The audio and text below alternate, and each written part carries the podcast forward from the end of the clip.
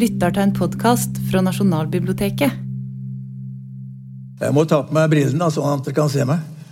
Men eh, jeg gjør jo nesten alltid noe annet enn det jeg blir bedt om.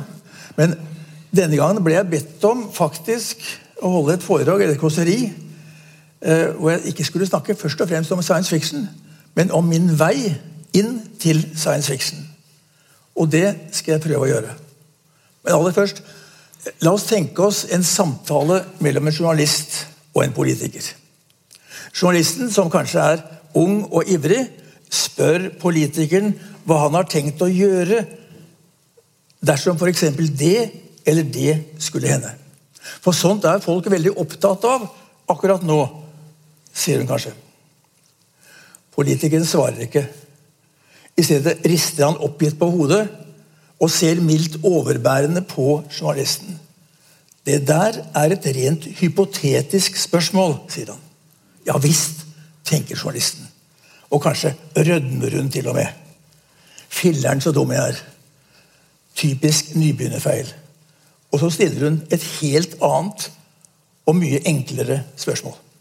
Men hva er det egentlig som er så galt med hypotetiske spørsmål? Etter min mening så er jo de faktisk de aller viktigste spørsmål vi kan stille her i verden. Ikke sant? Hva skjer dersom det eller det fortsetter? Eller hvis det blir mer sånn og mindre slik? Eller hvis alt blir helt omvendt og snudd på hodet? Det er bare ved å leke med slike tanker at vi kan forberede oss på alternative scenarioer. Bli i stand til å møte alle slags mulige morgendager. Og ikke bare gjøre det beste ut av det som måtte komme. Det er viktig at vi ikke bare ser på dagen i dag ut fra gårsdagens erfaringer, men også ser på den i lys av morgendagens muligheter. Ingen er tjent med å rygge inn i fremtiden. Og science fiction hjelper oss til å utforske aktuelle, dagsaktuelle problemstillinger. Den sier 'sett at', 'tenk om', og prøver å vise oss konsekvensene av våre valg her og nå. Det er altså bare tilsynelatende at en slik roman foregår i fremtiden. Det er naturligvis oss selv, vårt her og nå, den vil fortelle om. Men betegnelsen science fiction er belastet og misforstått. Altfor mange mennesker får irrasjonelle skylapper straks de hører disse ordene. Og de forbinder dem bare med skumle monstre, gale vitenskapsmenn og invasjon fra verdensrommet. Men er det ikke nettopp det science fiction er? Jo, dessverre. Og nei, heldigvis. Det vil si langt fra nødvendigvis. For alt det der peker bare på én enkelt side ved litteraturretningen. Én enkelt gren på et stort tre, som heldigvis er atskillig rikere, sterkere og mer finurlig enn som så. Å tro at science fiction er ensbetydende med Star Wars og Lynn Gordon, det er en like stor misforståelse som å tro at en ukebladnovelle og en kioskroman er selve hjertet og leveren i dagens norske samtidslitteratur. Hva legger jeg selv i uttrykket? For meg så er science fiction, eller fabelprosa, som jeg gjerne kaller det, både en forlengelse av tidligere tiders eventyr og fabler, og det er samtidig den mest effektive metoden jeg vet til å kommentere ting som skjer omkring meg i min egen hverdag. Hvis man ønsker å øve politisk samfunnskritikk og vitenskapskritikk, noe som er minst like viktig. For, og dette kan ikke understrekes nok, science fiction er ikke opptatt av vitenskapelige nyvinninger og de bedutter. Ikke i og for seg. Men det er en litteraturretning som er opptatt av hva alt dette nye gjør med oss mennesker. Å legge handlingen til fremtiden, det er bare et knep man bruker for å få den nødvendige avstand til vår egen hverdag, slik at vi kan se den klarere og tydeligere. Det er på samme måte hvis du står med nesa klint inntil et maleri. Da virker det bare helt fullstendig meningsløst. Da blir det bare farveflekker og prikker og streker. Det er først når du går et par skritt tilbake, at du begynner å se hva bildet skal forestille. På avstand blir det lettere å se en sammenheng. Og det gjelder ikke bare avstand i rom. Det gjelder også hvis vi benytter oss av avstand i tid. Hvordan fant jeg selv veien til denne litteraturretningen? Da kommer jeg ikke utenom Ole Brumm, det gjør jeg nesten aldri. Og jeg kommer heller ikke utenfor min mormor. Som barn så bodde jeg i andre etasje i et gammelt trehus uten bad og kjøleskap, men med toseters bøttedo og hyggelige besteforeldre i første etasje. Der bodde også min mors søster og min mormors søster. Og huset var ganske lite, så det var forunderlig at vi fikk plass der alle sammen. Har du spist frokost? sa min mormor som regel når jeg som ganske liten kom ruslende ned den altfor bratte trappen. Og hvis jeg nikket, da satte vi oss straks tett inntil den store, runde koksovnen. For i min barndom så var det som regel vinter og mye kaldere enn nå. Og så gikk vi rett inn i 100-meterskogen. I min barndom, som delvis falt sammen med den andre europeiske storkrig, så var det Rikka Bjølgeruds oversettelse fra 1932 og Mathilde Oftedals fra 1947 som vi støtte oss til. Egner og Barnetimen for de minste kommer langt senere. Derfor er det heller ikke Egners stemme jeg mest forminner med Ole Brumm. Det er min mormors. Hun var en dårlig oppleser. Og av og til så falt hun i søvn midt i en setning.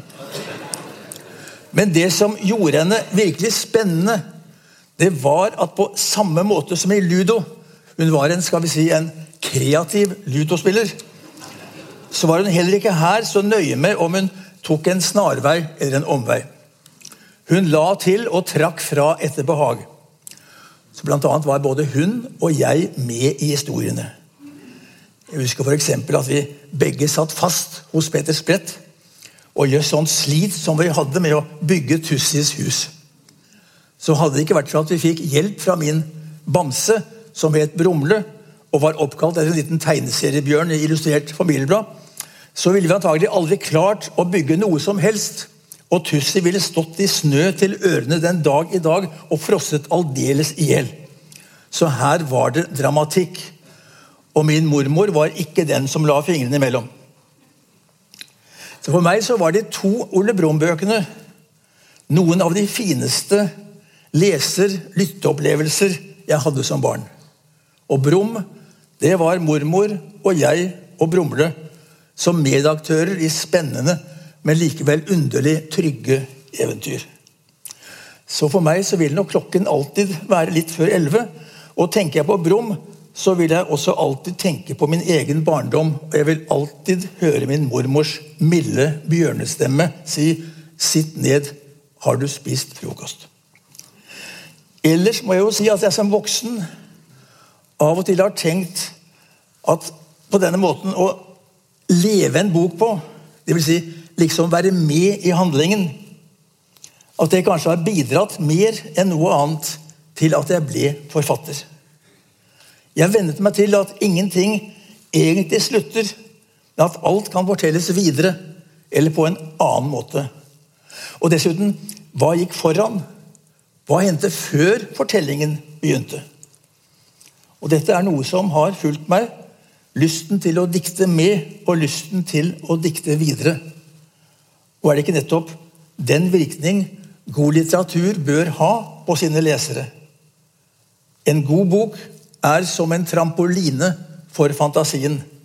Den gir tanken noe å hoppe og sprette på. Og Jeg er glad jeg hadde en mormor som lærte meg dette. Og Ole Brumm var boken hun viste meg det med. Så Derfor er det kanskje ikke så rart at jeg fremdeles kan sitte og lure på hvordan det egentlig er på Østpolen og Vestpolen. Eller hvilke, hvilke trøsterike bøker ble lest ved nordenden av Brum den uken han satt fast i inngangshullet til Sprett. Og hvem skulle ikke gjerne vite litt mer om Nøffs bestefar, han som het Adgang F. Og fremfor alt, hvor nysgjerrig er vi vel ikke etter å høre fortellingen om den gang Ole Brumm møtte 107 kuer som satt fast på en grind. En uskrevet historie som det refereres til i forordet til Huset på bjørnehjørnet, og som forfatteren, altså Millen, selv mener er den beste historien av dem alle. Men språket hjemme har også betydd mye for meg. Eller rettere sagt den lek med ord som jeg ofte hørte omkring meg da jeg var barn. I mitt barndomshjem fantes det nemlig en helt privat sjargong. Et slags cockney-språk. Det var bare de voksne som brukte det.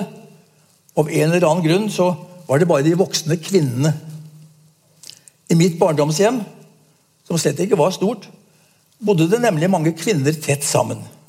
Som sagt, Min tante, min mormor, min mormors søster i første etasje og min mor i andre etasje.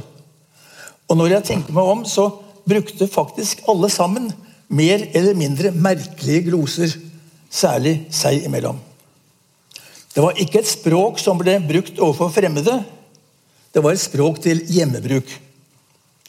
Og Grunnen til at jeg sammenligner det med cockney, det er fordi man i begge tilfeller vrir på ordene, kaster om på stavelsene, eller brent frem erstatter en stavelse med noe helt annet. F.eks. med noe som rimer. For et ungt øre kunne det ofte bli misforståelser. Eller misforfjamselser, som min mor pleide å kalle det. Et ord som ikke må forveksles med forfjamselser, som betyr overraskelse. Noe som absolutt ville være ganske forfjampelig ergerlig. For fremdeles å holde seg til det spesielle vokabularet. Så det gjaldt å hantuple det riktig.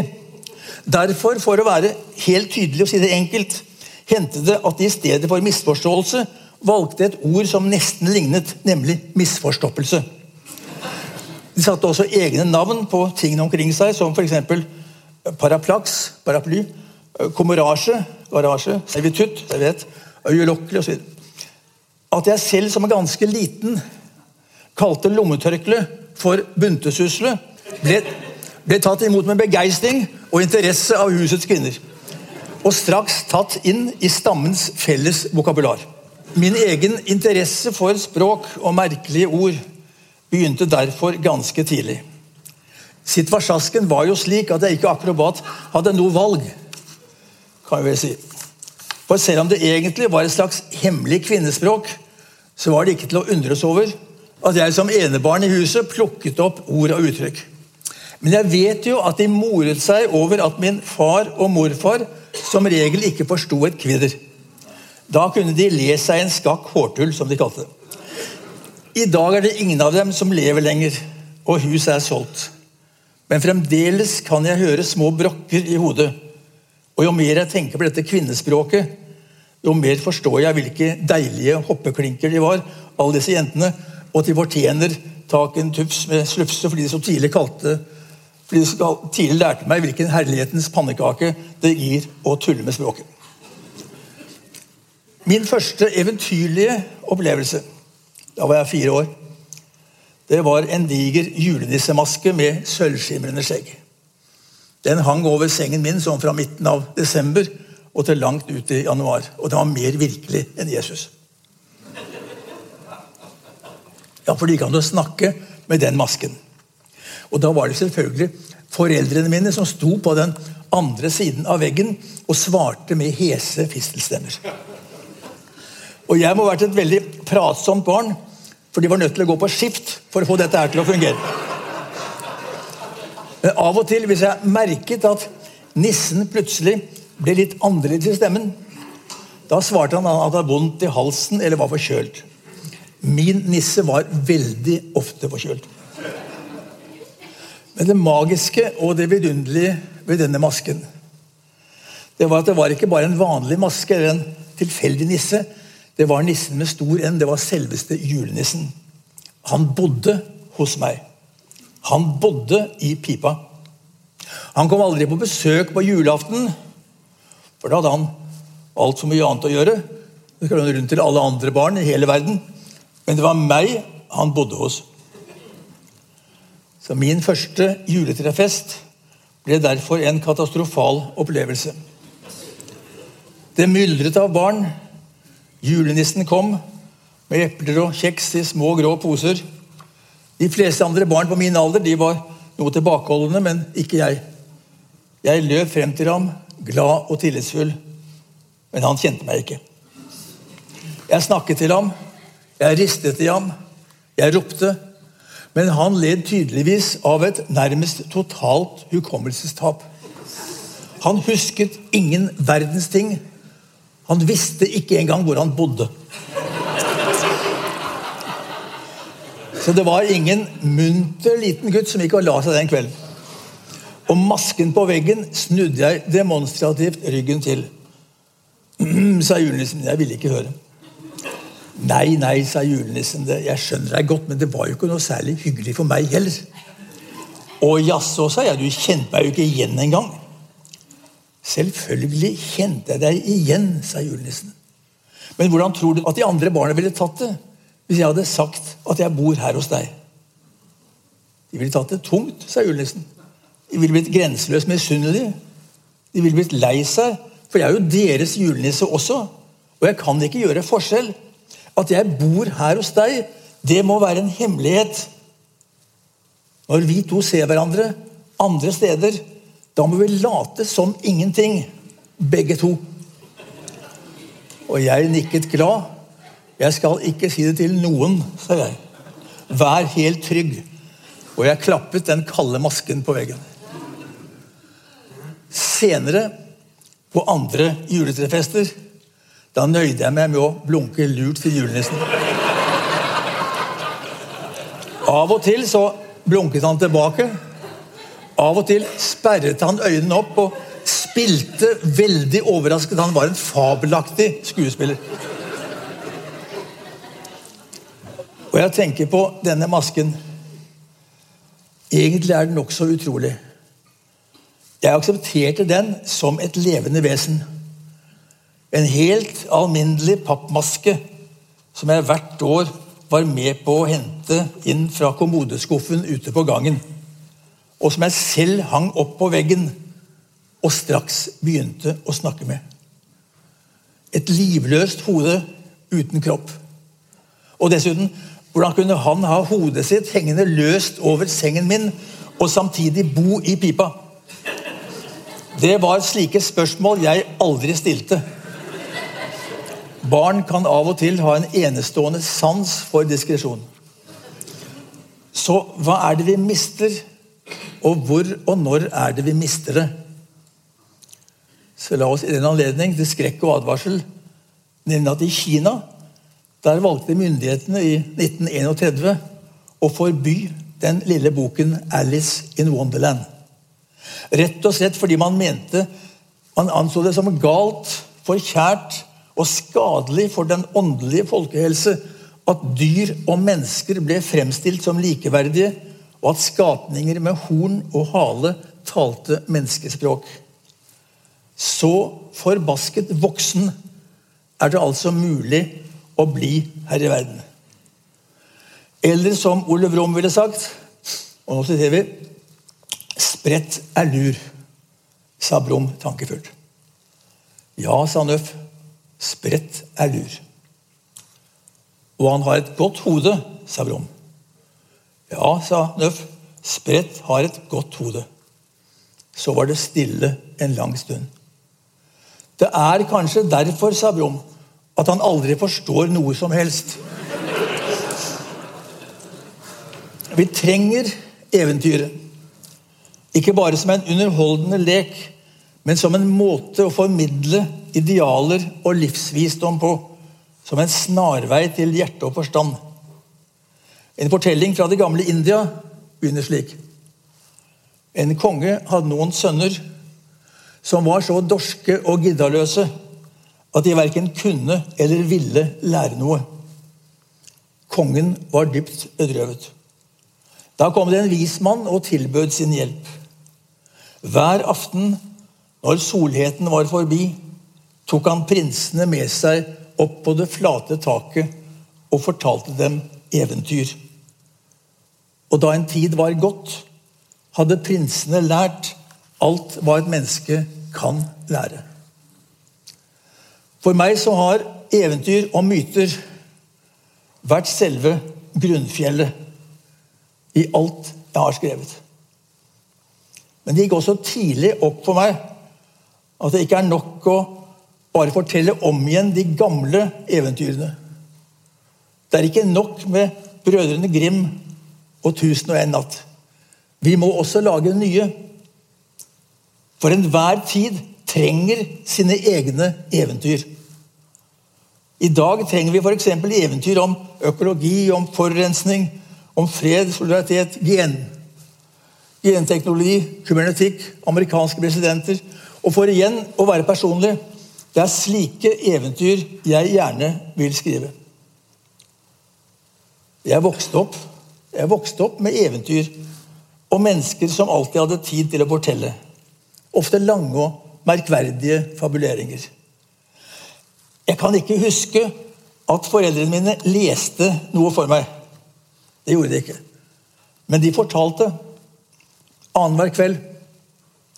Deres godnatthistorier måtte deles opp i flere episoder med spennende fortsettelse. Men neste kveld da var det jo den andre som fortalte. Man kan trygt si at jeg tidlig fikk et visst forhold til cliffhangere. Vi pleide også å fortelle hverandre ved frokostbordet hva vi hadde drømt natten i forveien. Og Min far hadde så lange og innviklede drømmer å bidra med at han ofte kom for sent til jobben på brygga. Han var bryggeformann. Og jeg ser det kom for sent på skolen. Så det var bare naturlig at jeg fikk et forhold til fantastiske fortellinger. Jeg lærte å lese lenge før jeg begynte på skolen. Vi hadde ikke så mange bøker hjemme, men vi hadde en blå Barnas bibel. Det finnes mye god science fiction i Det gamle testamentet. Og vi hadde to store røde skinnbind med Snorres kongesagaer. Og fremfor alt så hadde vi en gammel kakebok fra Freia. Hvor oppskriftene krevde bananer, ananas, appelsiner, hva det nå kunne være, alt sammen, og andre frukter og nøtter jeg som barn under krigen aldri hadde sett, og kanskje fantes ikke engang.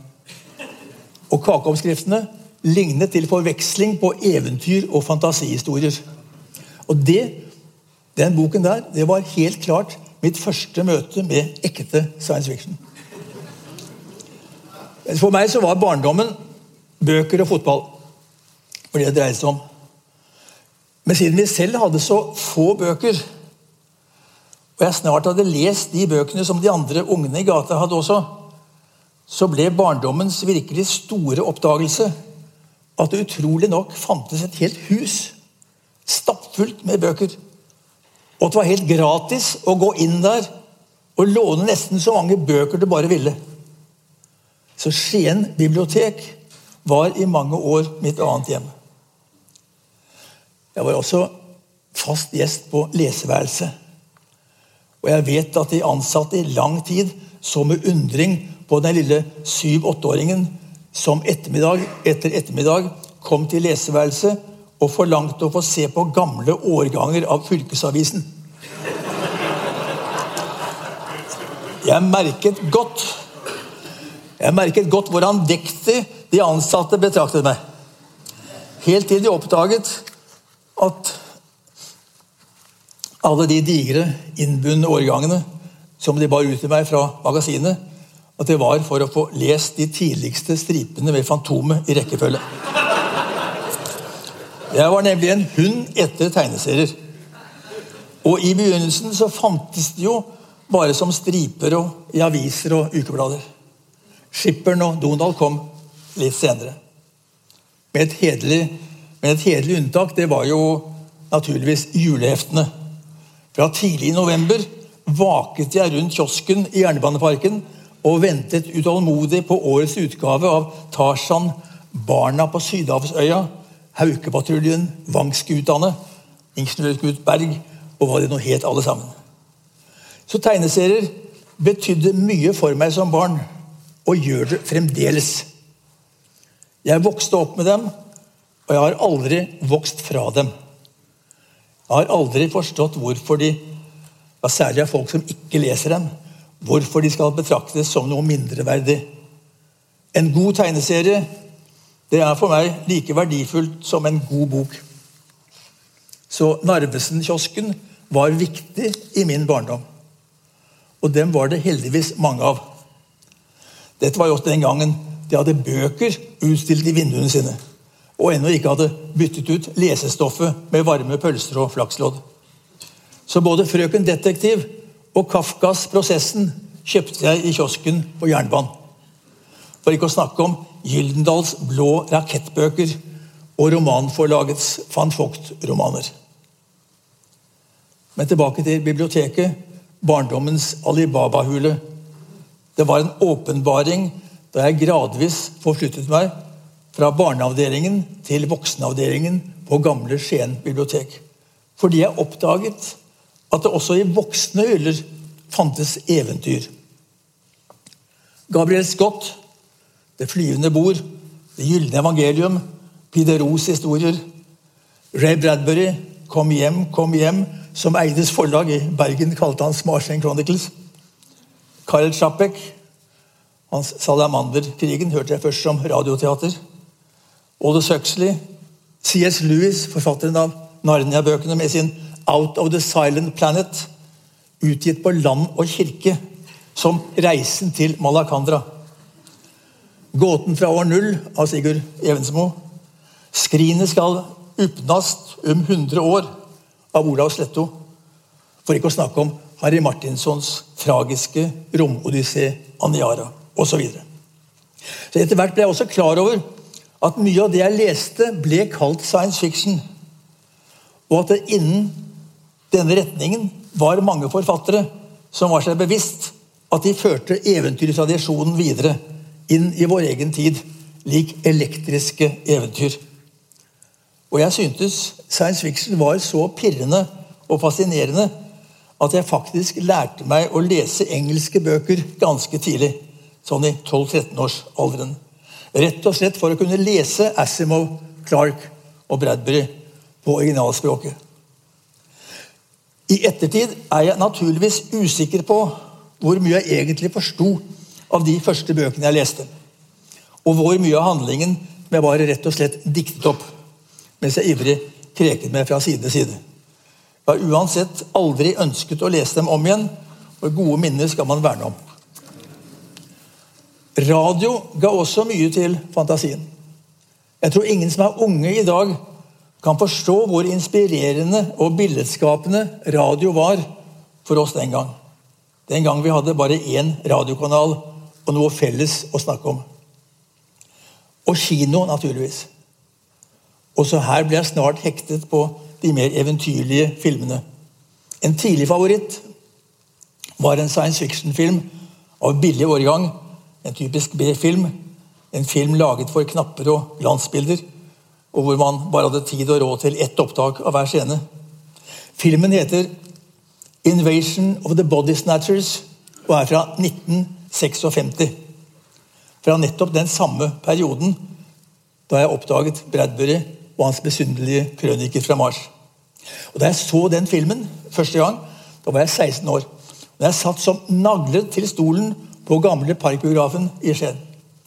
Og den norske tittelen 'Mystiske hendelser i Santa Mira' En tittel som den gang var den flotteste og mest poetiske jeg noen gang hadde hørt.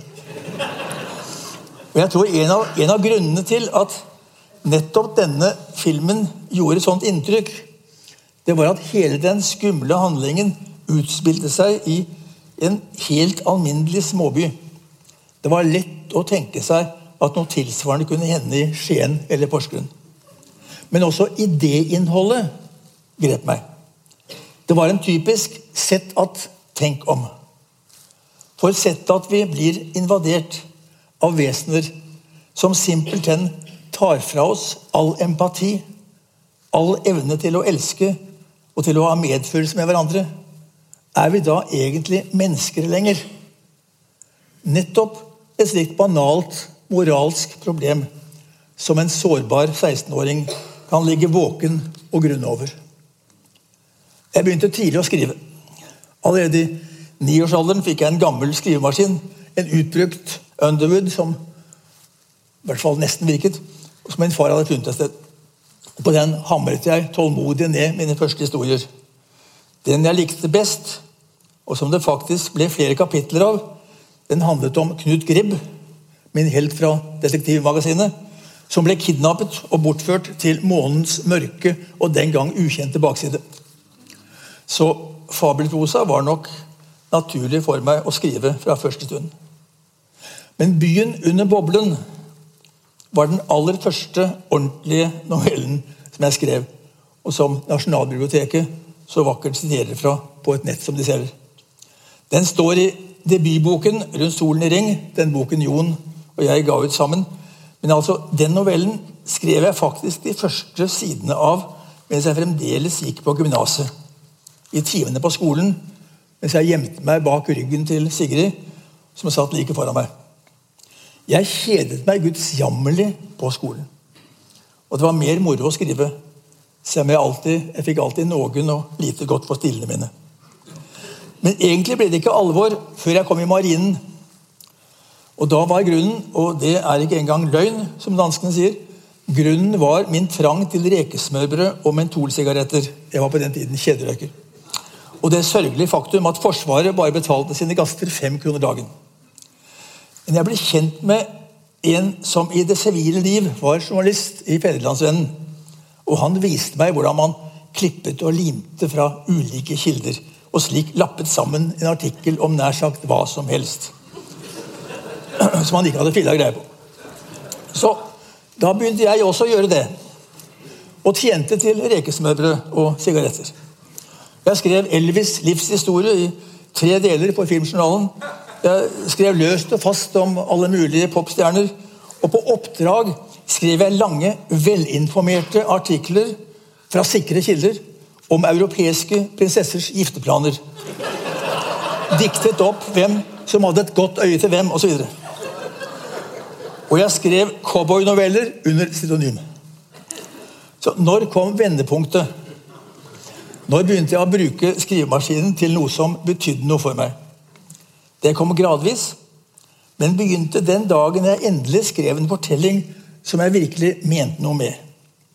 Den het Matteus 1820 om hvordan en neger her er ordet helt nødvendig, hvordan en neger kommer til en kirke i sørstatene i Amerika. Den gang var det apartheid der borte også. Og min neger ble kjeppjaget og henrettet. Men novellen slutter slik. Bøddelen sa etterpå til sin kone Det var et merkelig menneske. Han sa ikke et eneste ord under hele rettssaken. Bare sto der og så på oss med disse store, varme hundeøynene sine. Men selv om han var aldri så mørk i huden, tror jeg ikke han var ordentlig neger. En slags bastard, kanskje. Men du skulle sett hendene hans. Han hadde et dypt sår i hver håndflate. Som om noen hadde moret seg med å drive nagler gjennom dem. Stakkars jævel. Jeg var vant til at ukebladene kjøpte alt jeg skrev. Men denne lille novellen var det ingen som ville ha. Jo, langt om lenge Ukebladet nå trykket 90% av den. Men de kuttet ut slutten. De ti siste linjene og hele poenget med Jesus som neger. Fordi det syntes at det ble for usannsynlig. Og Da jeg troppet opp hos redaktøren og forsiktig antydet at de i det minste kunne ha spurt meg først, så ble jeg bokstavelig talt kastet ut av redaksjonen. Det var med andre ord harde tider. Jeg skrev en novelle til om raseskille. 'Bumerang' het den. Heller ikke den fikk jeg plassert noe sted. Og da var det sannelig på tide å stoppe opp og tenke seg om. For hvorfor var det slik Og hvis jeg bare smurte sammen noe i full fart, så kunne jeg selge det nær sagt overalt i hele vår viltvoksende kommersielle ukebladverden. Men hvis jeg virkelig prøvde å skrive så godt jeg kunne, da var det ikke en kjeft som var interessert. Så her var det opplagt noe som ikke stemte. Enten var det meg det var noe galt med, eller så var det verden og alle de andre. Og heldigvis, og utrolig nok, så valgte jeg å være trassig. Av verden som hadde feil. Og det er med en viss skadefryd jeg kan røpe at de to repuserte novellene siden er gitt som oppgaver til Artium, kommet i bokform, blitt valgt ut til mange antologier, og i dag finnes oversatt til flere språk. Etter Marinen, da jeg kom til Oslo som student, var jeg en tid med i redaksjonen for Profil, sammen med andre jevnaldrende som også likte å lese og skrive og forandre verden. Nå var jeg også begynt å strekke meg på tærne for å se hva som mon befant seg på den andre siden av ukebladgjerdet. Og der ute hvor gresset var grønnest, der ruvet NRK som et slags Soria Moria. I mine øyne så var dette det største markedet jeg hittil hadde sett. For den gang tenkte jeg på NRK utelukkende som en stor avis eller et enormt daglig magasin. Kjære vene, en redaksjon som er med en stor avis eller som skal holde på hele døgnet. Så måtte vel også være plass til, til meg der. Så jeg sendte inn et kåseri. Og under over alle under Opplysningsavdelingen i radio, Hartvig Kirans fyrtårn for mild folkeoppdragelse, ville ha bidraget og spurte om jeg ikke selv ville lese det inn. Og det ville jeg jo. Men det var da galskapen begynte. For jeg kunne ikke slippes løs på lytterne med den skiensdialekten jeg hadde. Tykke l-er og alt som smakte av gutter og båter, var uønsket i NRK. I tillegg mente de at jeg snakket altfor fort på et gatespråk hvor halvparten av ordene snøvlet seg fullstendig bort så jeg fikk kniven på strupen. Enten fikk jeg snakke ordentlig, eller så måtte en annen lese teksten min, og da ville jeg bare få halvt honorar. Men de pengene trengte jeg. Jeg var en fattig student uten rike foreldre. Og jeg var så vidt ute av marinen og hadde nettopp begynt å studere. Så noe valg hadde jeg egentlig ikke. Jeg begynte å trene. Gudene må vite hvor mange ganger jeg leste det manuset høyt for meg selv og hjelpsomme venner og venninner. Og det enkleste, for ikke å blande sammen, det var jo å velge en språkform lengst borte fra min opprinnelige. Så Derfor kuttet jeg ut moderne bokmål med alle sine A-former og gikk helt ytterst den andre veien til konservativt riksmål, bortsett fra nu og efter. For å være helt sikker begynte jeg å øve meg på å snakke slik det daglig også, i alle situasjoner. Noe som overrasket mange, helt til de hørte, til de hørte forklaringen og forsto at det ikke skyldtes akutt fisefinhet, men en økonomisk krise. Og jeg ble etter hvert ganske flink, det må jeg innrømme. Snart var det slett ingen som kunne høre hvor jeg kom fra. Jeg var blitt språklig hjemløs. Men til gjengjeld fikk jeg lov til å lage stadig flere radioprogrammer. Faktisk finansierte jeg hele studietiden min ved å snekre sammen all verdens litterære montasjer. Alt fra programmer om månen og Manhattan, to steder jeg aldri hadde vært, til fantasiprogrammer om litterær tannverk, apostler og huldrefolk. Men det der er en annen historie. Nok å vite at jeg valgte å være konsekvent. Så fra begynnelsen, eller midten av 60-tallet, da ikke bare snakket jeg konservativt, jeg skrev slik også. Det var slutt med å tenke på jenter, f.eks. Fra da av tenkte jeg utelukkende på piker. At jeg senere i livet har fått Riksmålsprisen to ganger, anser jeg som rimelig kompensasjon for en tapt dialekt. Et av de radioprogrammene som jeg laget den gangen, sånn midt på 60-tallet, det var faktisk et program om science fiction og litterære romreiser til planeten Mars. Og Da jeg traff Jon på et studentmøte, hadde han utrolig nok hørt det programmet. Selv holdt han på å lage et fansign et sånt lite engangstidsskrift som science fiction-fans gjerne laget den gangen. Og han ville gjerne ha manuset mitt med i det fansignet. Så i og for seg så kunne det ha begynt ganske hyggelig, men det gjorde det ikke. I hvert fall ikke på det studentmøtet hvor vi traff hverandre. Vi begynte i stedet å krangle nesten med en gang. Begge var vi hektet på fantastisk litteratur, og begge hadde vi Ray Bradbury som vårt store ideal. Jeg var sikker på at ingen i verden visste mer om Bradbury enn det jeg selv gjorde. Men der kom det en nesten fem år yngre liten tass fra Trondheim og mente at på det området så var det han som var verdensmester. Og Ingen liker å få sitt syn på seg selv og tilværelsen så til de grader skubbet på. Så det er klart vi ble ganske hissige. Og da møtet var slutt, så var vi ennå ikke helt ferdige med å teste hverandre. Vi fortsatte diskusjonen på diverse utesteder til langt på natt. Før vi endelig ble enige om å erklære kampen for uavgjort. Noe som også var helt nødvendig hvis vi ville rekke den siste bussen hjem. Dessuten, der og da så ble det faktisk født en gjensidig respekt oss imellom. Vi avtalte å møtes igjen. Vi forsto at vi kunne samarbeide. Og vi sverget å befri landet vårt fra et drøvtyggende sosialrealistisk diktatur og erobre Norge for frittgående science fiction.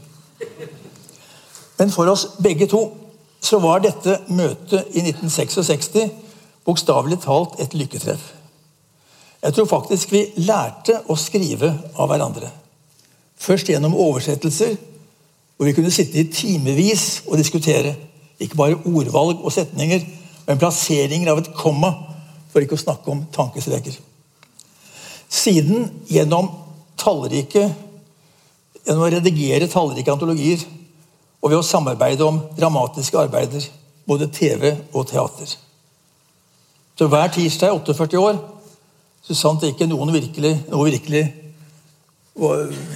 en stor hindring var der, så tok vi plass ved siden av hverandre i sofaen med hver vår kaffekopp, hvert vårt blanke ark og hver vår penn, og lot oss smelte sammen til en annen person. En slags fellesskikkelse. En skapning som var litt Jon og litt meg, men aller mest helt seg selv. Vi kalte ham Bing og Bringsvær. Det første vi laget sammen, det var antologien 'Og jorden skal beve' i 1967. Vi var begge to først og fremst opptatt av den samfunnskritiske delen av science fiction. Og Det å peke på farene ved et ubetenksomt våpenkappløp var et hovedtema for seriøs science fiction den gang på 60-tallet. Frykten for en atomkrig var noe nesten alle gikk omkring og tenkte på. Så vi bestemte oss for å velge ut noveller om verden like før, under og etter en slik katastrofe. Vi ville påvirke. Godtroende og ubedt satte vi oss derfor ned og redigerte og oversatte en hel antologi. Helt på spekk, som vel fremdeles heter. Men den boken var det naturligvis ingen som ville utgi, virket det som. Det var ikke marked for den slags, fikk vi skriftlige og muntlige beskjeder om fra det ene forlagshuset etter det andre. Helt til vi nesten ikke hadde flere steder å gå. Ingen flere postkasser å legge en stor, brun konvolutt ned i. Men under over alle under. På Gyldendal, som vi hadde regnet med var altfor gammelmodig og alvorlig, bak den tunge bronsedøren i Universitetsgaten møtte vi en redaktør, Sigmund Hoftun, som ikke bare sa ja til antologien vår, men til og med var nysgjerrig på om vi også skrev noe selv, eller om vi bare oversatte. Jo takk. Både Jon og jeg skrev egne noveller. Hadde gjort det lenge. Vi løp hjem og tømte skuffene våre, begge to.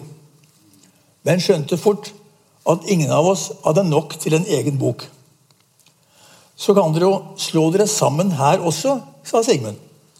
Og slik gikk det til at vi debuterte med en halv novellesamling hver. Boken het 'Rundt solen i ring' og kostet 9 kroner og 50 øre. Siden den gang har folk trodd at omtrent alt vi har gjort, det har vi gjort i fellesskap. Men vi har f.eks. bare skrevet én eneste roman sammen. Og den utkom like etter at Jon døde.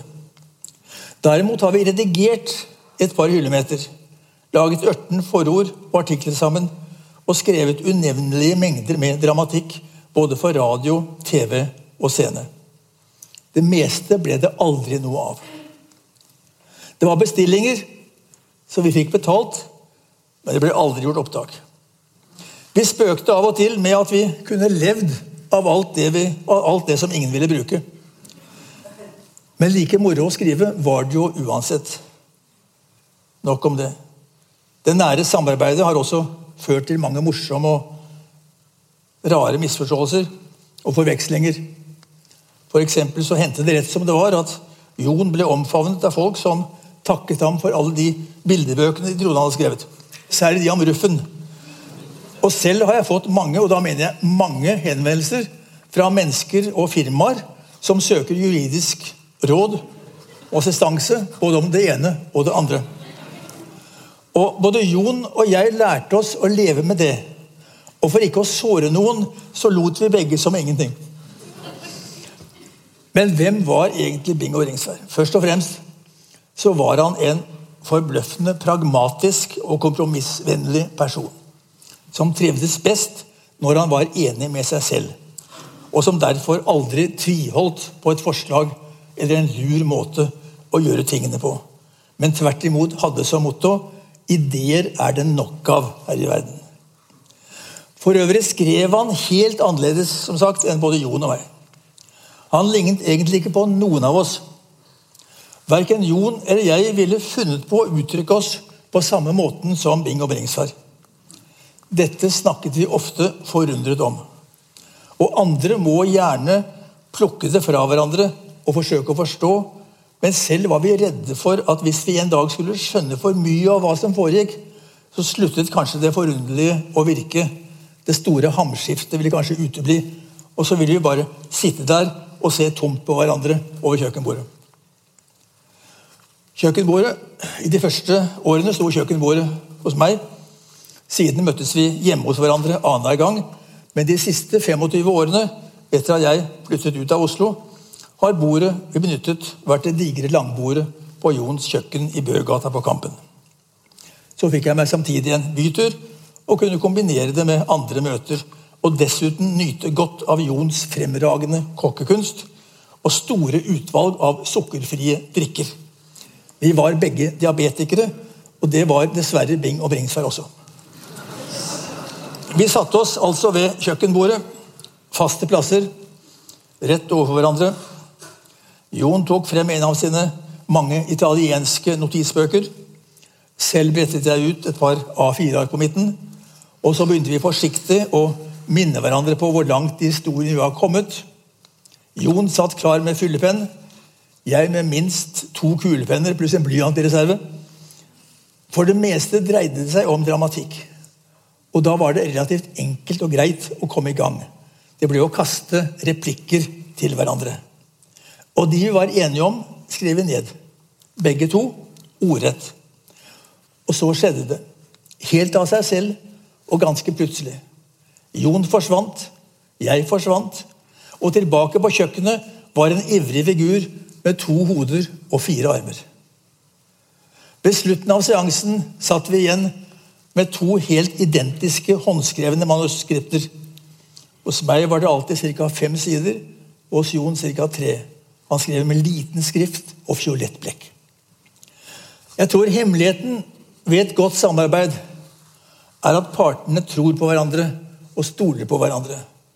Det er den banale, men likevel så vanskelige sannhet om teamwork. Man må stole på at den andre ikke synes man er dum, bare fordi man sier noe dumt. Det er bare ved å tenke og snakke fritt og vrøvle i vei at man kan snuble over noe som virkelig er lurt og brukbart. Jeg tror det er ingen jeg har sagt så mye dumt til som Jon. Jeg kan forsikre at han har sagt minst like mye tåpelig til meg. Og sånn må det være.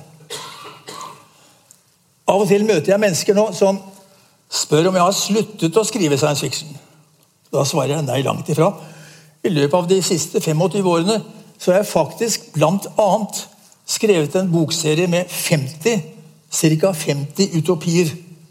En bokserie som fortsetter med ca. to nye bøker hvert år. Jeg snakker selvfølgelig om Karsten og Petra. Disse korte bildebøkene forteller det vi gjerne kaller hverdagshistorier. Om to femåringer, deres liv hjemme og i barnehagen, om deres sorger og gleder, om deres trygghet på hverandre, om deres vennskap, om hvor godt det er å oppdage verden sammen med en du er glad i og kan stole på. Og Det er denne tryggheten som er fundamentet i bokserien. Også de voksne i bøkene bygger opp under denne tryggheten. De er alle sammen varme og nære omsorgspersoner som aldri svikter, som alltid støtter og hjelper. Og her er vi ved poenget. For det er antagelig ingen som har slike utrolige voksne omkring seg. Og det er nok ingen barn som har det så eventyrlig trygt og godt som Karsten og Petra. Men det er slik det burde være. Det er slik alle barn skulle ønske at de hadde det. Men kan det ikke være vondt for barn å lese om slike utopiske forhold dersom de selv har det turbulent? Nei, jeg tror ikke det. For tvert imot ligger det i utopiens vesen at den skaper håp, drøm og lengsler. Og slikt får vi aldri nok av her i verden. Så Da Karsten og Petra vandret fra bøker til film, så var det nettopp dette idylliske, utopiske perspektivet jeg forsøkte å formidle til filmfolkene. Og heldigvis så har de lyttet. Men tid er forresten rare greier.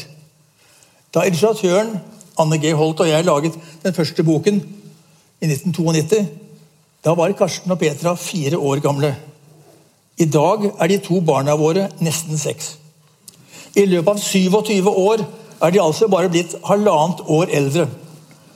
Og det merkeligste av alt Jeg vet at de aldri kommer til å bli mer enn fem, nesten seks.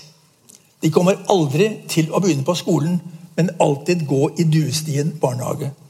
Så er det fremdeles noen som mener at disse bøkene er realistiske. Jeg har for øvrig et dårlig forhold til akkurat det ordet. Realistisk. Det skurrer i ørene mine. Selv finner jeg nemlig ofte den såkalte realismen som manipulerende og autoritær. Realismen er på samme måte som enhver annen litteraturform så er den en tolkning av virkeligheten. Men altfor ofte gir den seg ut for ikke bare være en tolkning, men å være virkeligheten. Den krever monopol på å kunne fortelle oss hva som er vår virkelighet. Og da blir den farlig. Da blir den tilslørende og forførende. Da blir realismen i verste fall en flukt fra virkeligheten. Det er på samme måte med aviser, nyheter i radio TV. De er bare tolkninger. De er inntrykk silt gjennom mange øyne og ører. De er ikke virkeligheten. De er bare tolkninger av virkeligheten. Men de later som om de er virkeligheten. Da er fantasifortellingen mer ærlig. Kom hit, sier den, så skal jeg fortelle deg et eventyr. Og Hva overdreven realisme kan føre til, det har Louis Carroll gitt oss et godt eksempel på i sin 'Sylvie and Bruno Concluded' fra 1893. Sitat. Her kommer enda en ting som vi har lært av dere, sa Meinherr. Kunsten å lage kart. Men vi har selvfølgelig utviklet ideen videre og er i dag kommet atskillig lenger enn dere. Hvor stort mener du f.eks. at et virkelig nyttig kart bør være? Hvilken målestokk vil du foretrekke? Tja, når seks tommer tilsvarer en mil? Bare seks tommer, utbrøt Meinherr. Her hos oss begynte vi tidlig å la seks meter tilsvare en mil. Men så, etter en stund, kom den beste ideen av dem alle. Vi laget et nøyaktig og presist kart over landet vårt i en skala hvor én mil tilsvarte én mil. Er dette kartet mye brukt? spurte jeg. Det er ennå aldri blitt brettet ut, sa man her. Bøndene protesterte. De sa at kartet ville dekke hele nasjonen og stenge sollyset ute. Så nå lar vi landet selv være sitt eget kart. Og jeg kan forsikre at det er minst like bra.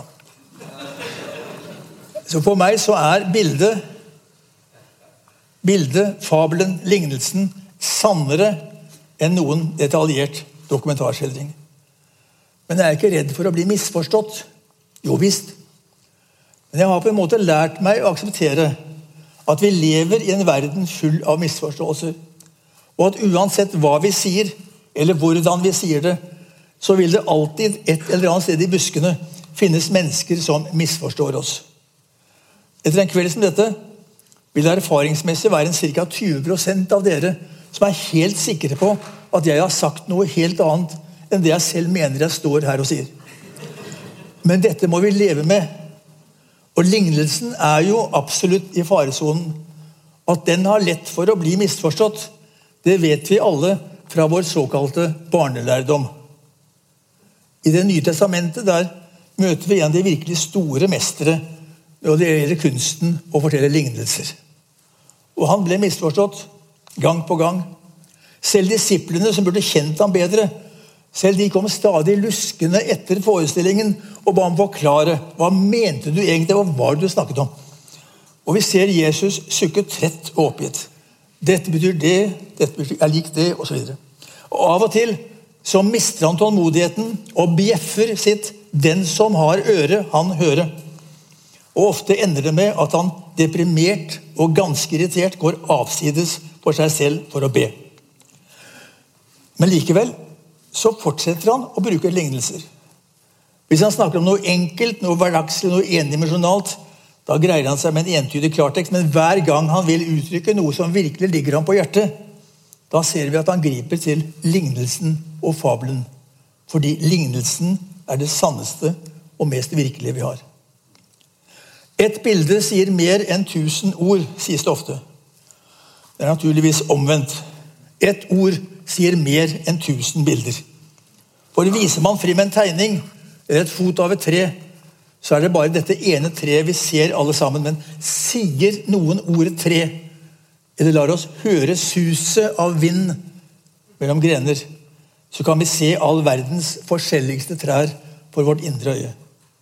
Og Nettopp fordi vi er medskapende, så blir det vi lytter til, eller det vi leser, på en underlig måte også vårt. For det å skrive det å lese. Nærmere trolldom er det ikke mulig å komme. Å skrive en bok det er det mest merkelige og magiske jeg vet. Sånn, bilder og tanker og følelser renner ned i hånden, ut på papiret og blir til små, svarte prikker og streker. Bokstaver kaller vi dem. Og disse sitter leseren siden helt alvorlig og stirrer på. Og prøver å oversette tilbake til tanker og bilder og følelser. For det er først silt gjennom øyet og i vårt eget hode at bokstavene blir til noe annet enn muselort på hvitt papir. Derfor, for at det skal bli en såkalt god bok, så kreves det ikke bare en god forfatter. Det kreves også en god og meddiktende leser. For en bok det er ikke bare en melding, en beskjed, en informasjon fra et menneske til et annet. En bok er noe som blir til i fellesskapet mellom forfatter og leser. For meg kan nemlig det å skrive en bok være, det kan sammenlignes med en reise.